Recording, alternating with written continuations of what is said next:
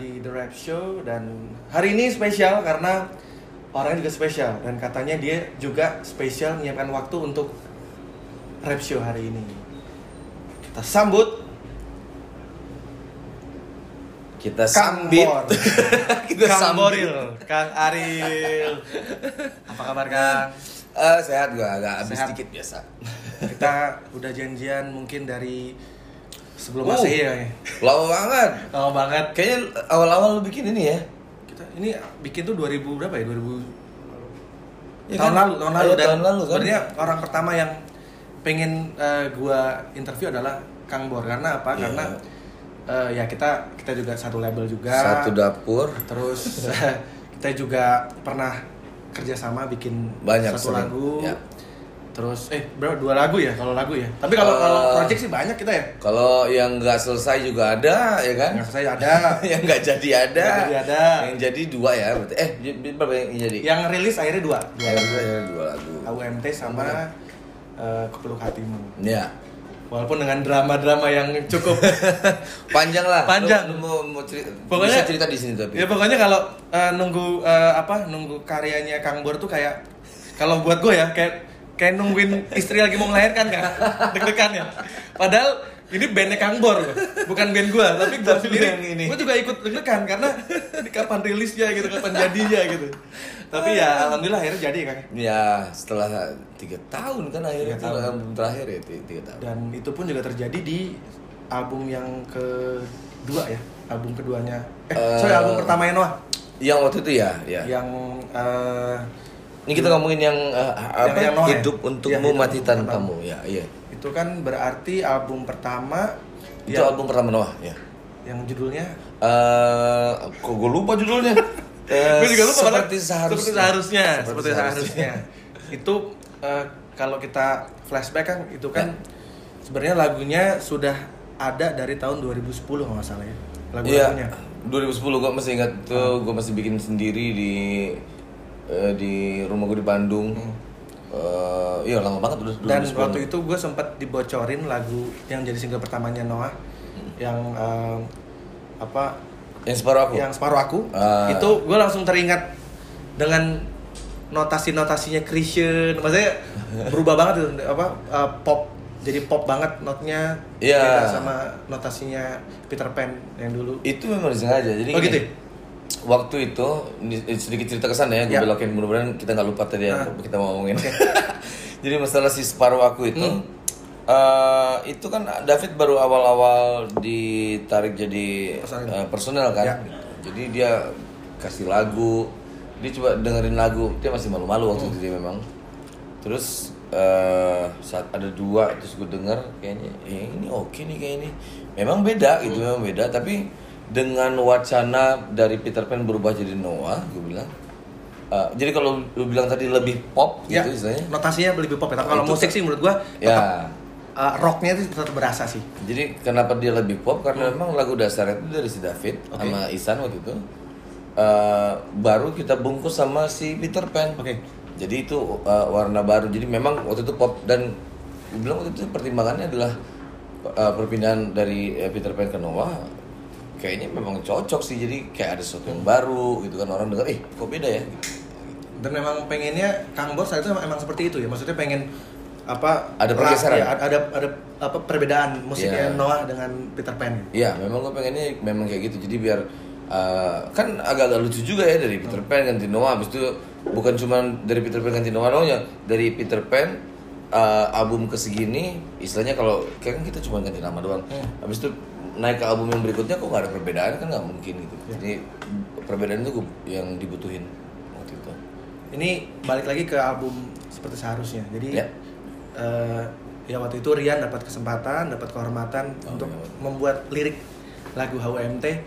Eh, jujur waktu itu saya ini kan agak deg-degan. Kenapa lu deg-degan? Karena apa cara menulis liriknya Rian kan beda banget sama Oh iya, Bor ya. iya, iya, iya. Terus eh, saat itu juga saya sendiri rasa itu lirik terlalu menye-menye buat buat buat seorang kang, buat si Kang Bor ya? buat si karakter Peter Iya, Pan ya. iya. Ya. maksudnya apakah ini ini nggak terlalu sedih ya maksudnya nggak terlalu apa ya terlalu eh ya kalau menurut Rian sih ini kayak lagu-lagu demasif gitu liriknya demasif Iya. gitu. terus Ah. ternyata saat itu Bu Acin ini eh, telepon Rian kamu bisa nggak tolongin Ariel untuk eh, lirik lagu eh, salah satu lagu yang ada di album sini. Ya, ya.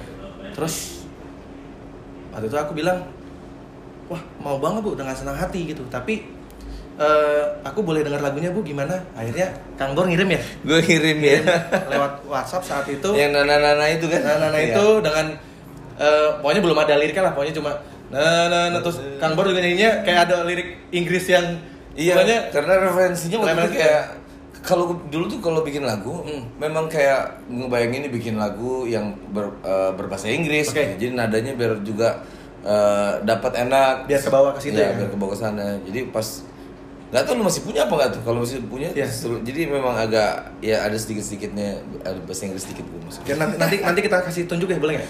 Boleh, boleh. Ah, nanti ada di iPod gue sebenarnya. Oh, masih ada ya? Masih ada di iPod. Seru tuh. Itu ada versi demo lagu HUMT dan itu belum pernah didengerin ke mana-mana sih.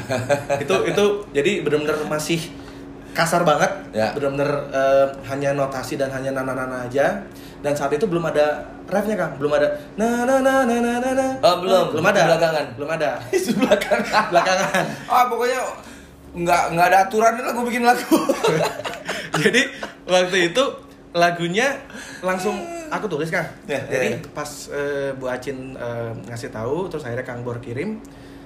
Waktu itu alhamdulillah langsung dapat inspirasi tuh. Jadi pas banget lagi di kamar, Eh. saya lagi di kamar, lagi megang gitar juga, lagi di depan buku. Jadi abis itu Langsung nulis. dengerin lagu, langsung tulis. Terus akhirnya kan saya langsung kirim ke Kang Bor. Ya. Aku bilang gini waktu itu, aku ingatnya, Kang ini kayaknya harus ada bagian rap lagi deh. Terus akhirnya, ya iya. taruh taruh taruh. Terus Kang Bor nggak lama juga kayaknya langsung kirim. Jadi kayak memang saat itu energinya lagi lagi lagi dapat tuh, maksudnya frekuensinya lagi pas.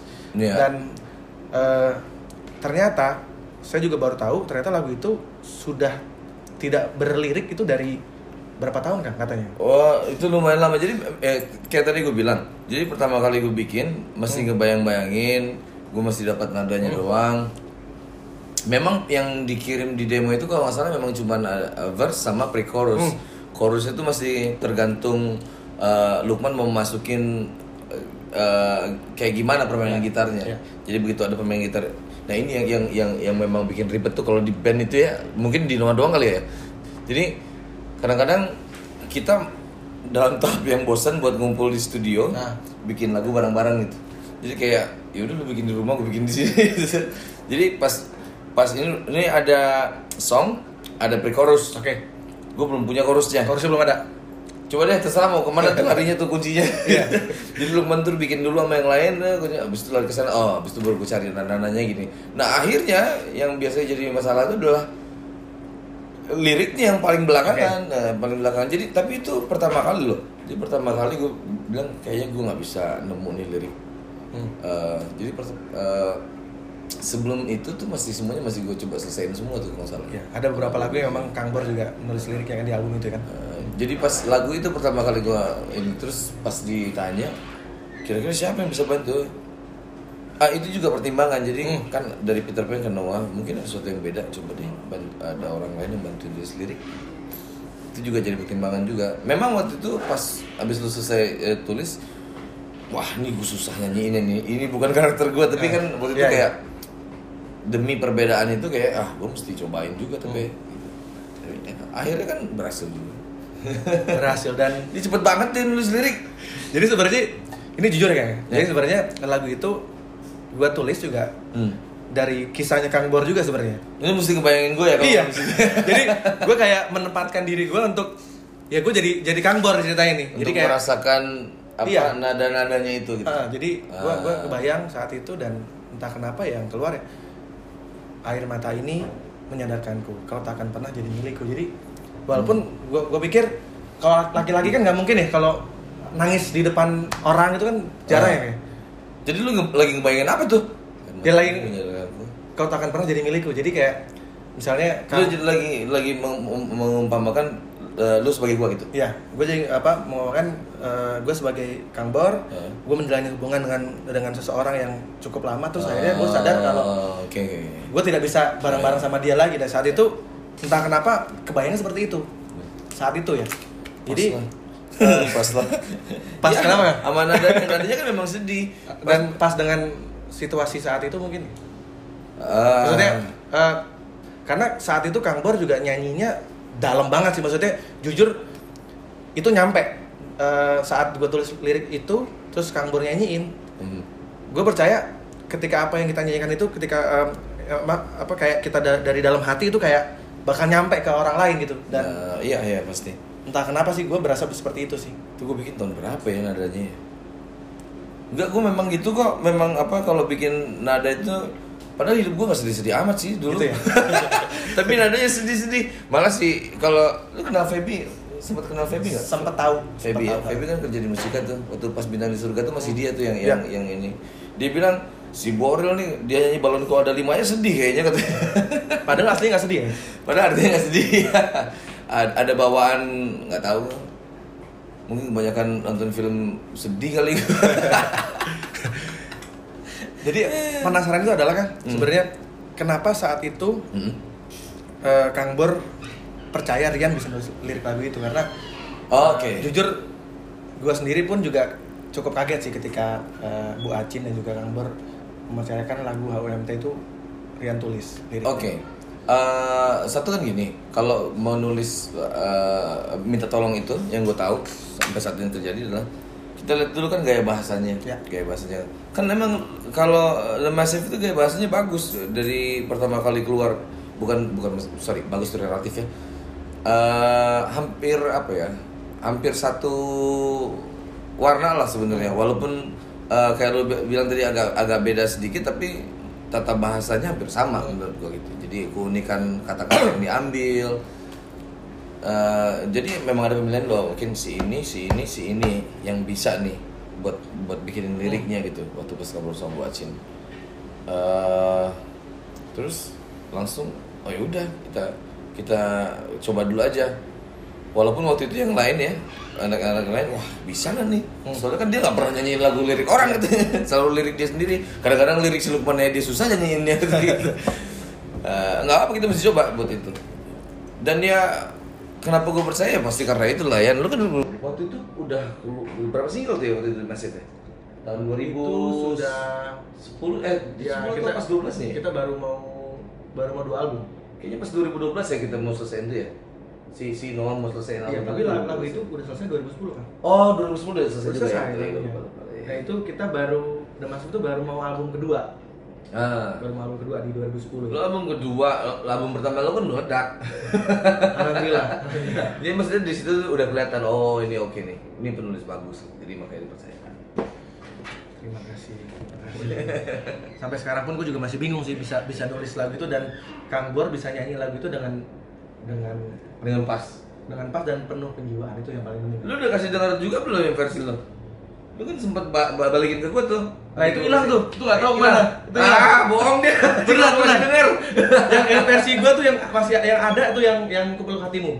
Tapi versi yang Ah. yang yang eh, lirik yang HWMT nggak ada malah ya? HWMT kita nyebutnya HWMT. HWMT. Hidup untukmu mati tanpa karena kepanjangan kan. Kan abis lu ngasih, eh, abis gua ngasih Iya. yang na na na na na, abis itu kan lu bikin lirik lu nyanyiin kirim balik ke kita Iya. kan. Itu itu masih ada nggak ya? Kalau bisa ada kasih dengar. Ya, nanti rencana kan di masuk juga mau ada konser, kita kayaknya mau bawain lagu WMT dengan boleh kan ya? Nah, boleh. Minta izin ya. Boleh lah, setengahnya kan punya lu tuh. Jadi, tapi versinya dibikin lebih sedih kayaknya. ah. Versinya The Massive. Oke. Lebih Biar biar benar beda. biar beda. Kan itu kan eh, ngomongin OMT dengan segala dramanya juga itu. Tapi itu nggak terlalu drama sih kalau menurut gue karena proses kalau menurut gue cukup cepat sih. Proses Prosesnya ketika lebih bikin lirik ya, alami ya. lebih lebih natural. Nah. Cuma kalau di Yang- lagu yang berikutnya ini berikutnya ini yang lagu eh, Kupeluk Hatimu Kupel hatimu ya. itu sebenarnya lagu itu tahun lalu itu gue udah bikin demonya tahun lalu Tahun lalu. tahun lalu Tahun lalu maksudnya atau- sebelum launchingnya ya. eh sorry 2018 berarti Ya kan eh, launchingnya yang ini kopi nih air putih. oh Ya, ya. Berarti 2018 berarti ya, kalau nggak salah. Kita Eh, launching 2018 Agustus. Berarti 2017 ya? 2017 ya berarti. Cepat banget waktunya. Gila. Dia udah, udah Kalau- 2020 Kalau biasanya makin tua makin berasa cepat waktu. gitu. Aduh. Jadi ternyata itu Gila berarti itu yang tua siapa? ya kita berdua lah. yang muda ini nih yang pakai kamera nih. nih, 20 20 24. Jadi ternyata 2017. Oke, 2017 waktu itu Kang Kang David eh, ngubungin gua untuk minta bantuan. Ya, waktu itu udah dimulai. Jadi itu. eh, dia sudah katanya dia punya notasi dan eh, salah satu lagu yang di- dikasih tahu yang yang dia dengar adalah lagu itu. Tapi belum ada liriknya. Jadi baru nananai aja seperti biasa, seperti kalau seperti biasa ya. seperti ya lagu-lagu Noah sebelumnya kalau Oh enggak, bukan. Jadi bukan belum ada. Tapi gua nggak tahu ya. Perasaan gua jadi udah ada liriknya. Cuman di lirik itu ada pertimbangan-pertimbangan yang kita bilang akhirnya kita putuskan bersama kayaknya ini kita mesti ganti semua di lirik. Oke. Walaupun sebenarnya nggak ganti semua juga akhirnya. Cuman waktu datang ke lu kayaknya kosong Cuman ah, kosong. Jadi memang mungkin Kang David juga sengaja kali biar Ah, iya. tidak nggak ke distract kali ya. Ya, ya. Jadi saat itu 2017 berarti bahkan sampai mampir ke studioku Kang. Di Hmm. Ciledug, jauh-jauh itu Kang Oh, David wow. datang Ciledug. Kita bikin demonya sampai malam. Dan bikin lirik saat itu juga selesai juga sebenarnya. Satu lagu. Saat itu juga selesai. Selesai satu lagu saat itu juga. Nah, cuma eh, ya Kang David sudah bilang ke ke saya kalau ini belum pasti karena eh, Pasti udah pasti, lagi pasti kan? akan ada akan Ya. ada diskusi lagi dan sebagainya. Dan setelah nunggu-nunggu lama, ini kapan rilisnya gitu ya? Itu jadi nggak sih? Tapi akhirnya aku juga sampai lupa kan? Sampai lupa kalau pernah bikin lagu itu. Ini lucu. Jadi kejadian adalah ketika lagu itu rilis. oh, jadi pas lagu rilis lu baru baru ngeh gitu nggak? ya? Loh, ini perasaan ada lirik gua tapi tidak ditulis nggak nggak ditulis ada liriknya Rian. Berarti sampai kelupaan itu. Kelupaan. Jadi aku akhirnya Ya, eh, ya. memaklumi karena ini pasti karena hektik dan Ya, juga ya. ngurusin ya apa eh, ribetnya untuk rilis album kan juga pasti kebayang lah gitu. Ya, ya. Jadi sebenarnya aku juga malah eh, Untung lu ketawa, ya. ketawa justru. Wah ini pasti kelupaan nih. Tapi lucunya adalah pas dibaca-baca lagi. Ah. Loh ini kok tinggal satu kata doang. tinggal eh satu apa kepulauan hatimu berarti kata atau kalimat ya? Kepulauan hatimu. Kalimat, ya? lah. Kalimat ya. Kalimat. Ini ternyata tinggal seiprit kalimat itu yang nyan- yang nyantol tapi ternyata itu jadi Jadi, judul lagu, ya kan? Jadi itu itu mau nanya Kang itu bisa sampai seribet itu gimana ya, itu, itu, itu dari Dan versi lu ya. Ini kalau kalau kata Hasif Eh, Hasif Hasif eh, eh, Hasif. apa dulu eh, yang pernah di Rolling Stone Ya. kayak main futsal kan katanya. Kenapa main futsal? Saking banyaknya itu yang yang ngisi liriknya. Itu Wah, gimana? itu, itu parah. Eh, ya itu tadi. Jadi gue bilang gini. Jadi si keadaan si lirik itu yang asli dari David Ya. Itu keadaannya kayak kalau liriknya tetap yang ini mendingan orang lain yang nyanyi Hmm. gitu. Nah tapi eh, kalau misalnya mau uh, Noah nyanyiin kita mesti ganti nih sebagian besar terutama di ref gitu kan. Eh, tapi gue tahu banget itu pas pertama kali dulu kan ini kalau liriknya diganti ini PR-nya Nauzubillah deh pokoknya ini, ini PR berat karena lirik sebelumnya juga udah kuat cuman memang ada uh, sedikit uh, masalahnya kan gitu. Nah uh, akhirnya sampai bisa kelupaan gitu gini nih. Jadi kan pertama kali David dulu habis itu David sama kita. Hmm. David sama kita udah habis itu karena gue ngerjain lagu yang lain gue bilang coba Fit lu kerjain dulu sendiri. Nah David tuh konsultasi sama Basu kalau salah habis itu akhirnya ke sama lu kan. Ya. udah itu setelah itu ada juga tuh beberapa yang bikin satu satu satu satu satu satu gitu. Udah habis itu kan setahun kemudian dikerjain lagi habis itu. Jadi Ya. setahun kemudian gue baca lagi karena gue udah selesai ngerjain beberapa lagu yang lain akhirnya coba fit lagu yang kemarin yang waktu itu mana? Gitu. Lihat lagi wah ini masih ini sampai akhirnya eh, lagu itu kita panggil minta tolong sama Noe waktu itu kan Noe Noe ya, Noel itu datang ke sini juga Oke. Nah, be- pas dibawa ke Noel atau ke sini, berkas-berkas yang lama tuh dikumpulin semua. Taruh di papan tulis. Setelah Noe selesai ki- masukin lagi ini masih ada yang diganti lagi nih jadi begitu diganti-ganti itu udah nggak jelas nih kata-kata siapa yang mana udah numpuk semua Eh, sampai akhirnya abis itu gue ada kerja sama sama Marcella juga kan Oke. buat beberapa lagu yang lain terus karena beberapa lagu lainnya udah selesai eh Cel lu mau cobain nggak lagu yang ini juga gitu. Coba dengerin deh gitu. Abis itu beberapa lagu yang lain gue ketemu sama eh, penulis buku yang lain juga gue bilang "Mau, eh, lu mau cobain nggak? Ini juga belum selesai nih. Karena itu susah banget lagu itu kan. Nah jadi saking banyak udah kumpul akhirnya kan, kan gue tinggal seleksi akhir tuh kayaknya waduh yang mana nih? Ini, ini, ini yang enak dinyanyiin gitu. Makanya gue bisa seleksi itu karena ada, ada kayak biar vokalisnya enak nyanyiin jadi vokalisnya yang yang seleksi gitu. biar malah melafalkannya enak gitu ya. Nah, udah selesai.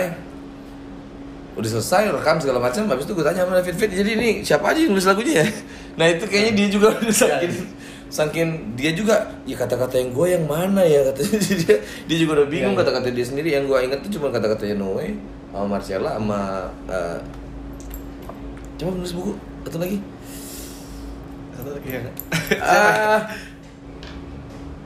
ah gue lupa lagi Ah, kita lihat di Google nanti iya baca di Google Eh, jadi itu yang gue ingat. Oke. Eh, Sisanya David. David itu mungkin karena udah setahun Hmm. itu ya.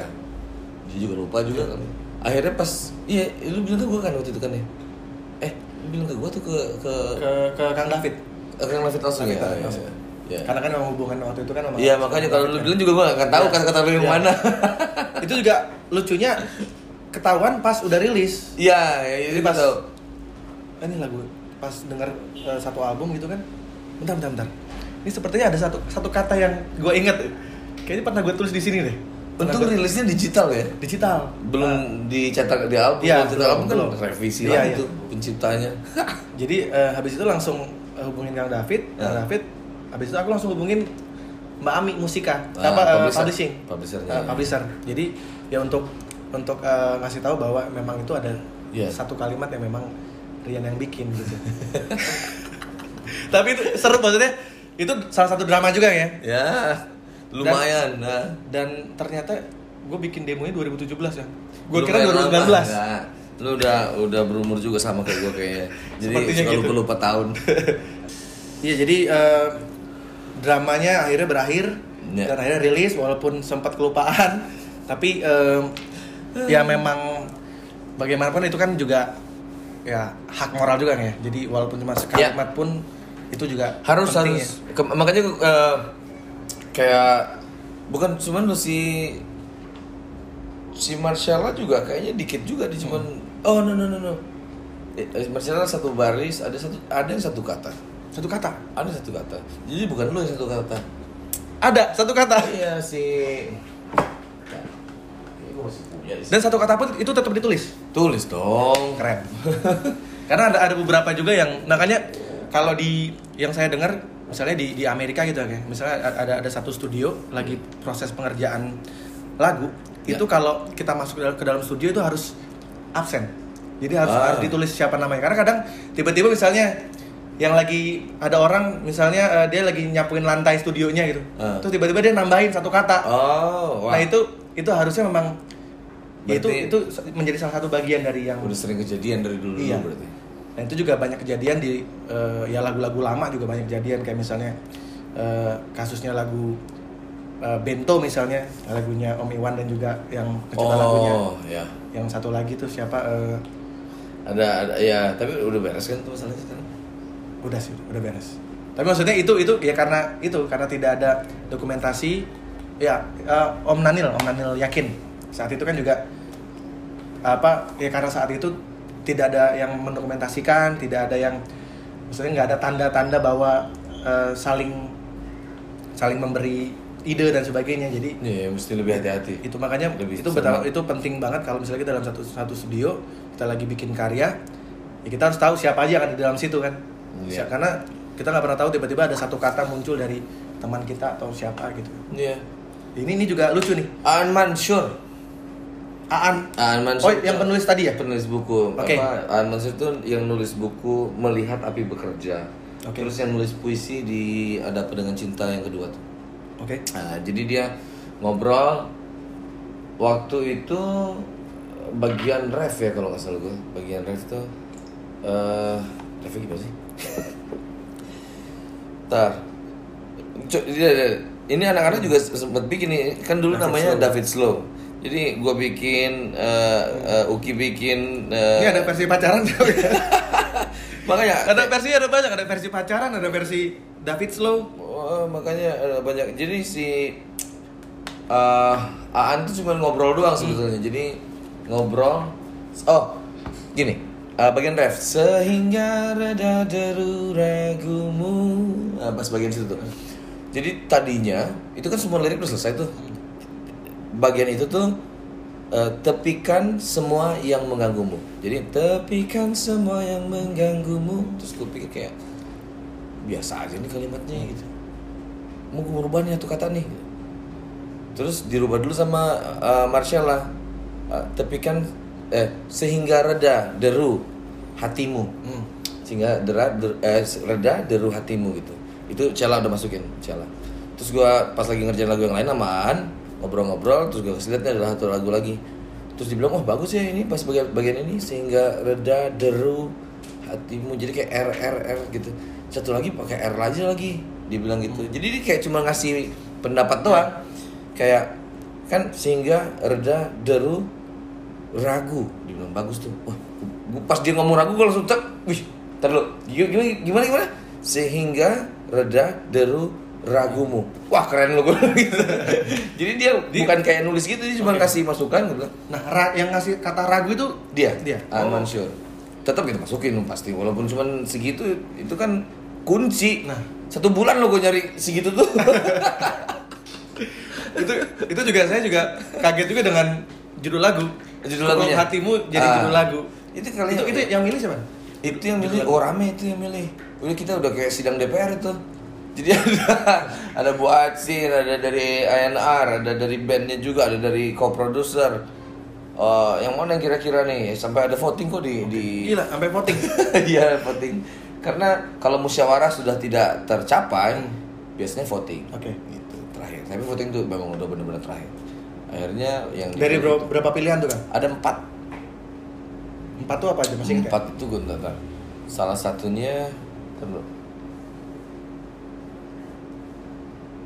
eh ganggu dulu ke semua Lupa. pokoknya gue inget di, Iya. di di aplikasi itu votingnya ada empat gitu akhirnya dipilih Jadi ya Ini dipilih akhirnya eh, ya begitulah proses sebuah lagu tuh kadang eh, apa ya selalu jadi misteri kan. Jadi Ya. kita nggak pernah tahu jadinya seperti apa. Kadang ada lagu yang memang cepet tapi ada juga lagu yang yang yang yang lamanya lama minta ampun. emosi ya. Jadi Ya. gue pernah bikin tuh ada satu lagu yang jadi sa- sa- satu hari. Eh, di belakangku. Di belakang aku di belakang itu album, album bintang di surga Bintang ya? di Surga ya. Oke. Bintang di Surga. Itu satu hari selesai sih. Liriknya ya nyanyinya eh, semua selesai satu hari kalau emosinya lagi pas lagi ya se- cepet sih gitu. Tapi dia yang paling cepet kayaknya berapa lagu lu selesai cepet semua kayaknya. Iya. Yang OMT cepet yang ini juga cepet. Terakhir tuh kita sempat minta tolong juga ada lagu apa ya gue lupa. Ini eh, mencari cinta. Oh, mencari cinta ya? Lu dia selesai kan bentar tuh Iya. satu hari doang. Sama ini eh, lagu yang wanitaku juga sebenarnya. Oh iya, Iya. dia banyak. tapi ya akhirnya cuma yang kepake adalah satu kalimat itu ya, maksudnya biar biar beda lagi. Iya, iya, iya. Biar beda lagi.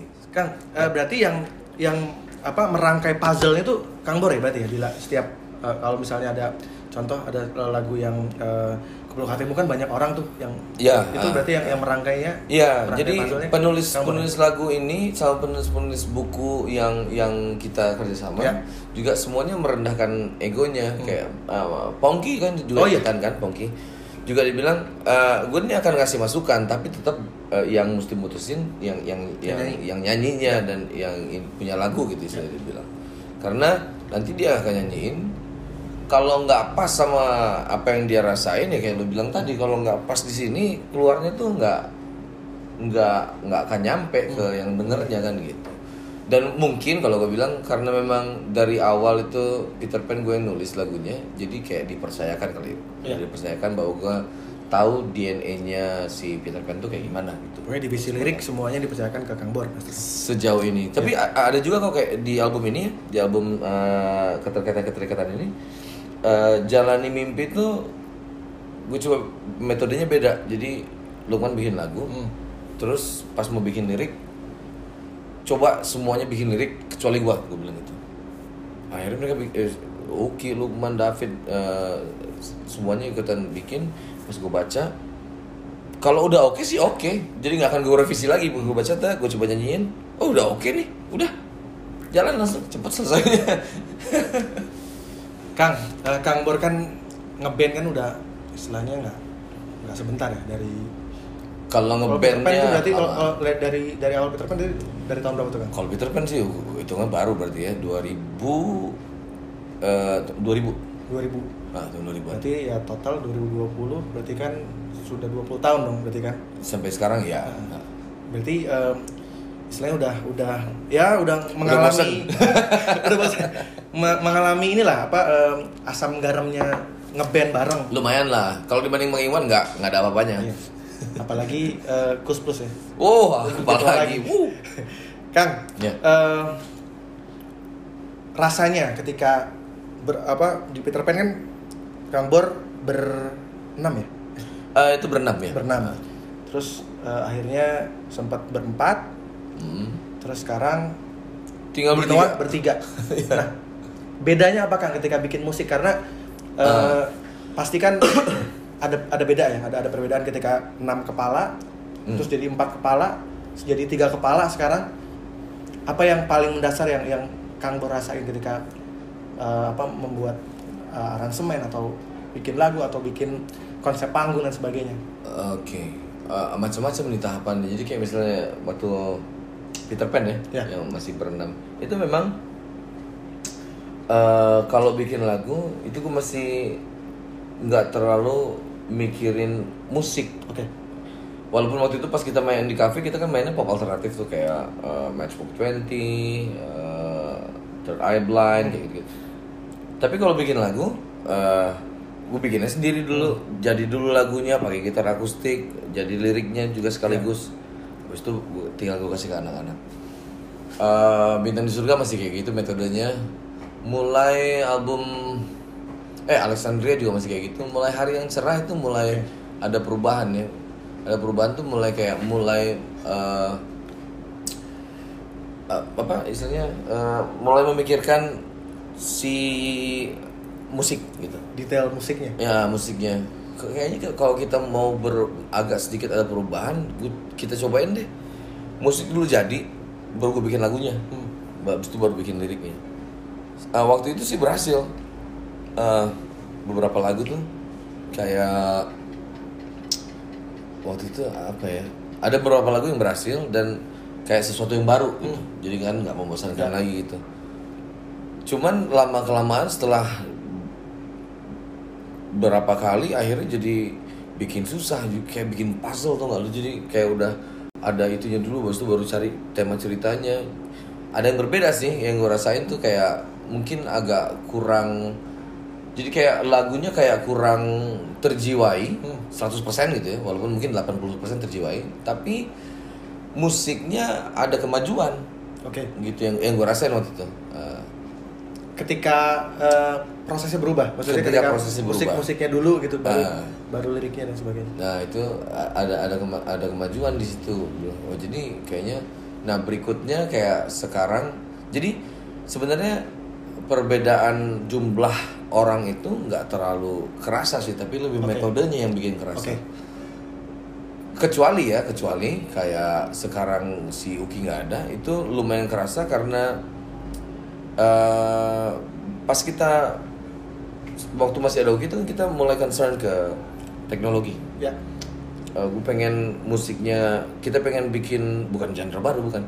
Kayak berbeda dari Peter Pan berbeda dari Noah kita bikin lagi kayak gimana? Kita masukin alat musik kayak gimana sound kayak gimana? Itu biasanya yang paling banyak yang tiap harinya di depan komputer apa ngulik uh, software musik tuh Uki bahkan yang mixing beberapa lagu juga ya Iya waktu itu udah udah Uki yang mixing semua. Jadi gue tuh kayak udah oh ya udah lu urusin tuh Ki ya gitu. Gua urusin yang lainnya Nah jadi begitu dia nggak ada tuh eh, di situ yang lumayan ke- kerasanya karena itu ya, karena eh, dia pegang di divisi itu. Oke. Kalau yang si- yang sebelum sebelumnya sih nggak ada yang terlalu itu ya, nggak ada apa jumlah orang itu nggak terlalu mempengaruhi, Oke. lebih ke metodenya yang mempengaruhi. Jadi nggak terlalu sig- signifikan kerasanya ketika yang sebelumnya, tapi ketika kehilangan Kang Uki itu cukup berasa karena memang divisi Iya, karena kita eh, sudah mempercayakan segitu lama sama dia. Iya, Karena- soundnya untuk- Iya, untuk- sound segala macam teknologi dia kan Iya. dari dulu tuh memang seneng kayak gitu gitu. Sama gue dulu berdua tuh waktu masih SMP itu janjian. Eh, jadi gua sama Oki itu sama-sama seneng sama software musik. Oke. Jadi pas gue SMP kita sama-sama cari eh, software pertama kali itu eh, waktu itu janjian. Jadi ada cakewalk, Oke. ada sonar. Waktu itu Uki gue pegang cakewalk. Uki ngulik sonar. Jadi janjian gitu ya. Lu ulik yang itu gue ngulik yang ini ya. Ntar kita cobain. Gitu. habis itu Uki ke Fruity Loops gue Pro. Tools habis itu wah gitu. Jadi dan pas gue mulai bikin lagu itu mulai agak jarang ke sana. Hmm. jadi Uki yang lebih itu. Makanya akhirnya dari situ kebiasaannya kayak ya udah Ki lu yang urusin itu. Dan lumayan lama itu kan lumayan lama dipercayakan kan kalau orang-orang lihatnya kan kayak Uki ngapain sih di di apa di Innova ataupun di Peter Pan cuma main rhythm doang gitu. Kelihatannya doang cuma main rhythm padahal di belakang tuh. Ternyata andilnya cukup besar ya Kang ya. banyak yang dia kerjain. Kayak Iya. Lukman juga percaya. Lukman itu kan eh, Lukman itu memang murni juga dia seniman. Maksudnya kayak dia yang penting dia eh, ulik gitarnya dan segala macam. Nanti kadang-kadang komposisi dan segala macam tuh Uki yang yang, yang ngasih tahu tuh kalau lagi di panggung kan kayaknya mesti agak sedikit kadang-kadang kalau kita lagi manggung Eva- Uki suka di OVH Iya. dia cari cari tahu kenapa ya ini soundnya nggak seenak yang di yang di CD gitu oh mungkin ini apa eh, pengaturan segala macam itu ini yang ngurusin berapa panggung tuh kadang-kadang dia yang di FOH yang yang karena kan kita itu industrinya kan masih muda sebetulnya Ya. gitu. jadi eh, SDM yang ada di kita tuh juga nggak semuanya maksimal kayak yang berlaku di luar. Jadi kadang-kadang se- bandnya itu mesti mesti benar-benar mengawal dulu ke orang FOH-nya Iya. eh, untuk ngasih tahu bahwa ini kayak gini loh karakternya bandnya. Karena nggak bisa dipungkiri mungkin kayak 8 tahun 10 tahun ke ke belakang itu banyak FOH itu yang berasal bukan bukan dari dari sekolah ya Iya. ada yang dari Otodidak semua kebanyakan nih Bang. Iya, otodidak semua eh, mungkin dari ve- vendornya, Ya. dari vendor yang Dari vendor. tadinya tugasnya apa, habis itu karena dia sering megang mixer akhirnya dia bisa gitu. Ada banyak yang bisa tapi jiwanya bukan musisi. Jadi dia Ya. tahu teori doang. Ya. Tapi untuk compose-nya nggak punya rasa. Nah, itu yang jadi masalah tuh beberapa tahun kemarin. Nah, itu kadang-kadang yang kita mesti Harus agak turun langsung ya. ah, gitu. Ya kayak kemarin juga dimasuk kan sempat rekaman di Abbey Road kan. Nah, Belum uh, lama. Itu ternyata juga engineer-nya yang di studio tuh juga ya dia sarjana musik maksudnya Ya. sekolah engineer gitu. Ya. Jadi memang uh, SDM tuh sangat penting sekali sih. Ya, di sini mungkin karena di sini industrinya belum waktu itu ya Ya. ad- orang pun mau ke sana juga mungkin ragu kayak kita ya dulu misalnya ah, jangan kita deh lu Ya. kan ah, lebih muda lagi dari gua kayak zaman gua gitu Angkuran lebih tua ya. kayak zaman Oke. gua tuh kayak lu mau ngapain jadi musisi? Mau jadi apa jadi musisi? Ya kan gitu. Kayak misalnya mungkin itu tahun 2000 mungkin pas di tahun 2005 pun industrinya udah agak maju jadi musisinya yang dipertimbangkan tapi jadi sound engineer-nya kan? Iya. lu jadi sound engineer mau makan apa? Gitu kan gitu. Jadi akhirnya nggak ada orang yang benar-benar profesional buat di sana gitu. Jadi akhirnya yang memang yang ada aja gitu.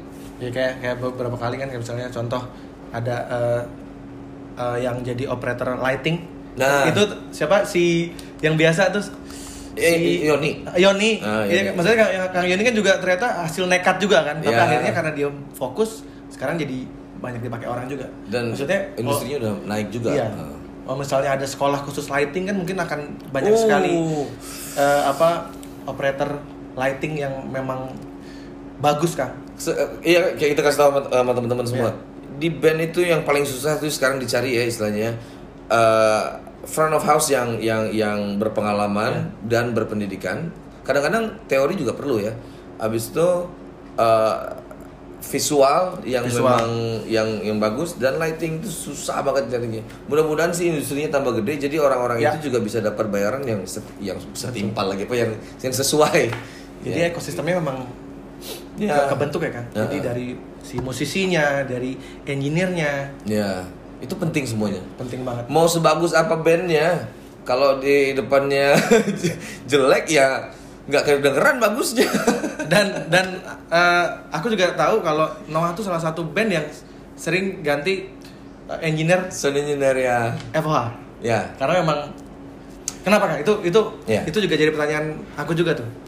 Eh, jadi selain tadi kita ngomongin masalah eh, FOH yang yang bukan apa, yang bukan passionnya Ya. kan. Di- Jadi dia memang kerja di situ karena dia bisa, passionnya bukan di musik juga gitu. sebenarnya. Satu juga ada yang namanya genre kan di musik. Nah FOH itu juga atau front, eh, engineer-nya Front of Us itu juga dia kalau yang dia benar-benar senang musik, dia juga punya genre yang dia pilih loh. Misalnya gini, gue tuh senang musik rock.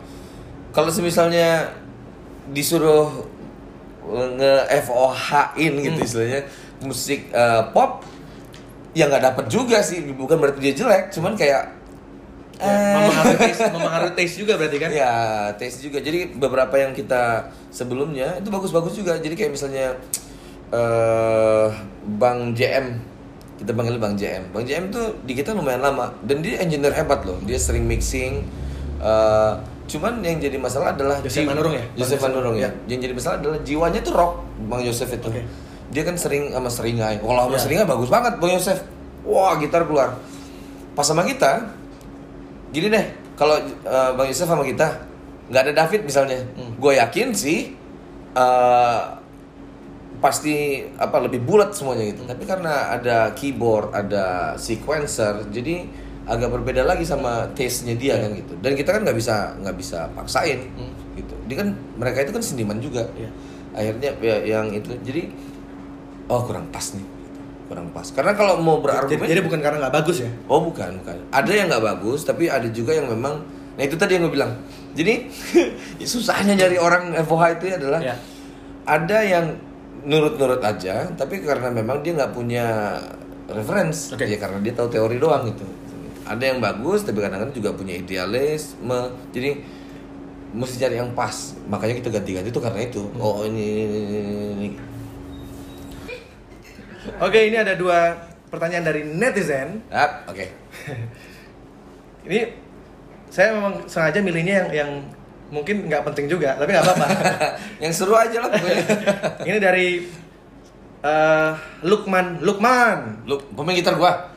Tapi ini double. Si Lukman. Oh. Beda. Oh, beda, beda lagi. Eh, Keren si Lukman nih L. U Q M A N L U K M A A N. Oke. Ini nanya, klub bola favoritnya apa? Oh. Karena kan Eh. gue juga kan pecinta sepak bola juga kan. gue dari gue dari SMP kayaknya gue udah udah uh, menyukai Manchester United itu. Sama, sama kita. Kan? Walaupun kita lagi lagi terpuruk sekarang. lagi terpuruk. Kalau lokal lokal lokal. Waduh, lokal. Lokal eh gue pertama kali nonton bola lokal itu di Stadion Siliwangi. Siliwangi. Waktu Persib masih main Siliwangi. Oke. Persib pertama kali gue nonton. Persib Bandung ya. Iya. Kalau saya Persija kan. Ya, memang lu tinggal di Jakarta. Ya kan, tinggal Jakarta. Tapi eh, ya seru karena eh, ya kita harap sepak bola Indonesia juga maju kan ya. Ya, sebenarnya Industrinya bagus. Iya, terus itu yang paling eh, apa? supporternya juga Gimana eh, gimana keren. gimana caranya kita eh, melihat yang enaknya kita tuh ya orang apa di di Asia ini karena kan kebanyakan tuh Eropa udah ngalam- ngalamin duluan habis itu habis itu mereka tularkan ke kita kan gitu. Jadi sebenarnya kita bisa belajar dari dari mereka dan nggak perlu mengulangi kesalahan yang mereka bikin dulu ya kan. Betul. Jadi kayak misalnya pertikaian yang yang eh, kurang bermanfaat itu Tindakan mesti di- anarkis. di- eh, anarkis. Sekarang tuh di Eropa yang udah mulai sangat ditentang tuh kan rasis Ya, ya, kan. betul. Sampai nggak boleh nonton bola seumur hidup gitu di stadionnya. Itu kita tiru aja semuanya. Jadi karena dari kompetisi yang ada di Indonesia ini tujuannya kan cuma satu akhirnya yaitu tim Garuda yang bagus. gitu. betul. Karena kalau pengen lihat timnasnya timnasnya bagus, Ya sepak bola Indonesia-nya liganya harus bagus juga kan. harus Karena lancar. kalau kita lihat eh, kayak eh, negara-negara yang udah maju sepak bolanya itu liganya memang memang bagus-bagus sih kayak Thailand Ya. itu kan bagus banget liganya Jangan sampai tersendat kayak berapa tahun yang lalu lah liganya sih itu sih kalau gue pengen lihat sebetulnya. sepak dan terakhir kebetulan saya juga kemarin baru lihat Liverpool MU tapi saya di sectionnya MU kan Nah. jadi di section away-nya Oke. itu emang, emang di dalam stadion itu isinya emang emang kata-kata kasar semua dari tengah dan sebagainya tapi setelah pertandingan semuanya Pas udah keluar selesai. semuanya aman ya. udah aman gitu jadi memang ya ya kalau Kayak dia kayak buat seru-seru sambil nontonnya aja gitu. betul Tapi memang dulu eh, di Inggrisnya tapi tahun 1800-an kali 1900 1986 tuh masih masih rusuh tuh yang tragedi yang Ya. Brussels ya? eh, dan akhirnya kan juga eh, itu yang tadi gue bilang kita lihat mereka tuh kan udah duluan Hmm. kita lihat kejadian-kejadian mereka bermanfaat apa enggak sama akhirnya sekarang mereka kayak gimana dan akhirnya sekarang mereka lebih tertib tuh kan lebih maju liganya gila loh satu dunia yang yang nonton liganya lo kebayang nggak kalau liga Indonesia yang nonton satu dunia Hah? Jadi kita juga punya harapan semoga supporter Persib dan Persija bisa berdampingan lagi ya. Nonton Ya. bola, kita nikmatin bola bareng, Ya. ajak keluarga, ajak anak. Iya paling enak bisa nonton bola Sama keluarga Gue kan dulu seru. pertama kali nonton bola tuh diajak sama kakakku kan. Jadi kayak apa ya? Itu kan eh, rasa kekeluargaan itu kerasa Iya, gitu. Dan kalau stadionnya aman tuh kan enak. gitu. Jadi Hmm. bisa ajak keluarga buat nonton bola. Kalau kalau nggak aman kan jadi kayak gimana? Mau, mau- pengen nonton bola tapi aduh takut rusuh. Ya kita doain mudah-mudahan PSSI bisa benar-benar apa ya? eh, bikin sesuatu yang bikin baru. sesuatu yang terobosan. baru, terobosan yang baru yang bikin Indonesia sepak bola Indonesia maju. Iya. Oke. Kita lanjut ke pertanyaan netizen yang kedua. Kedua. Ini pertanyaannya sangat nggak tahu ini penting atau tidak. Ini dari ayahnya underscore Ale. Nah, Berarti oke. ayahnya Ale berarti. Dia nanya gini kan, Ya. kapan nikah?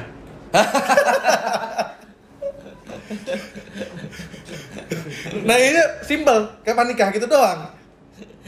Kapan nikah? Waduh. Gue juga nggak tahu. Belum ketemu terus nih yang pas.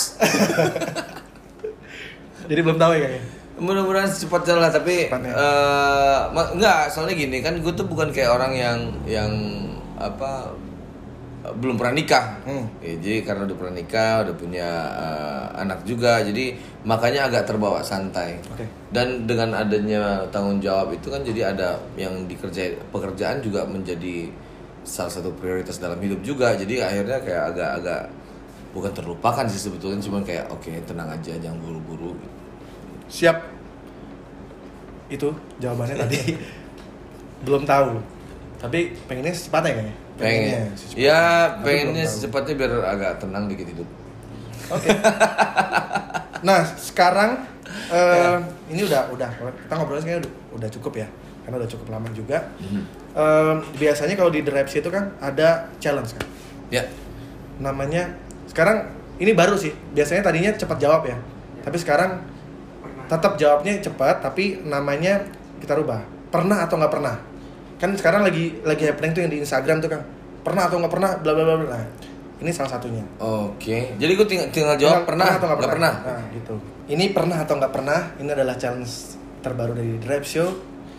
Yang Gua- pertama. gua korban pertama nih Ah, ini atau- kedua. oke Kedua. kedua korban kedua oke ah ketiga juga Eh ketiga, ketiga, ketiga, ketiga. Ketiga ya gue Oke. oke ada yang bawa belur nggak Eh, sebelum sebelum gue enggak. oke Masih aman, jawaban aman. Oke, ya pernah atau nggak pernah? Yap. Lupa lirik pas pas lagi manggung. pernah Pernah atau nggak pernah? Pengen berhenti ngeband? pernah Pernah semua. Pernah atau nggak pernah? Boker dalam celana? nggak pernah Berarti untung nggak pernah gue itu nggak pernah. Waktu kecil nggak pernah? nggak Nggak pernah. nggak kalau ngompol sih pernah waktu kecil ya. Kalau ngompol mungkin biasa ya. Maksudnya yang yang yang waktu masih yang udah eh, misalnya umur lima tahun kan udah udah udah mulai, udah ingat tuh. Nggak pernah. Gua ingatan gua kapan ya pertama kali ada. Berarti ngompol pernah ya umur lima tahun. Eh, ingatan gua tuh TK aja samar-samar ingatan gua. Oke. Eh, itu udah berapa tadi? Udah berapa? Tiga. Tiga ya. Dua lagi. Dua lagi. Pernah atau nggak pernah galauin satu cewek sampai dalam banget zaman sekolah atau zaman kapan pun? Galau bener gara-gara satu cewek galau banget. Ini dengan dengan sengaja dibikin galau maksudnya gitu. Dia maksudnya sampai dalam sampai nangis-nangis sampai Oh, ya sampai- pernah lah kita sampai nggak mau makan gitu. galauin ya kata-kata. Eh, gua udah jawab pernah, tapi galauin. Ya eh, berimbang lah posisinya. Atau atau emang nggak pernah galau kan? ah, oh, pernah lah, pernah ya? mungkin gua nggak pernah Oke. galau. Pengakuan Halucu, lain halucu, Oke. halucu. Halucu, halucu yang di panggung ya. di panggung pernah ngapain Kang? Oh, banyak yang gue lucu, gue kayak sirkus di panggung kadang-kadang gue main main sama tamborin. Yang paling Yang paling memalukan lah, yang memalukan yang ini kalau orang lain bilang memalukan sih. Kalau gue kalau gue sih nggak terlalu memalukan gue menikmati. Gue celana gue pernah robek nih langgangannya segini. Jadi itu kapan? gue inget di sidoarjo. Di sidoarjo kalau kalau jadi kalau ada fotonya gue lagi pakai handuk di sini. Itu celana gue robek. Oh, jadi jadi Itu- eh, lah, pa- panggungnya licin. Panggungnya licin gue lagi lompat Eh. hampir split gue karena gue memang bisa split kan jadi istilahnya kayak masih ketahan ototnya sih ketahan celananya udah gak ketahan jadi sobeknya segini nih jadi jahitan ininya jadi copot. dari dari ujung kanan ke sini sobek. nggak ujung banget tapi segini lah Oke. segini itu sobek semua segitu akhirnya eh, terpaksa kan lagi nyanyi tuh Eh. wah bisa begini anjing sobek gue bilang yang ada aja dekat situ kan di panggung biasanya kan anduk buat muka itu ya. Kirain mau, mau, mau ngikutin gayanya Eddie Vedder. Enggak. Gak tau itu karena sobeknya. Kan so- jadi ada anduk masuk. Udah udah betul ini udah. Oke Terima kasih Kang Bor waktunya. Sama-sama. Akhirnya kita Akhirnya menyelesaikan setelah ini ya. eh, ribuan purnama akhirnya Ribuan kita ketemu dan sukses buat segala hal yang dilakukan ke depan. Amin bersama sama-sama Noah bersama siapa pun pokoknya pasangan hidup maksudnya ya, ya. amin Dan, ya termasuk itu pasangan hidup Oke. pokoknya sukses dan ditunggu album berikutnya aduh ntar dulu jangan ngomong Oh, album dulu gitu ya? capek ya udah makasih banyak sampai ketemu Oke. lagi Hai. nah Ada orang didoain malam.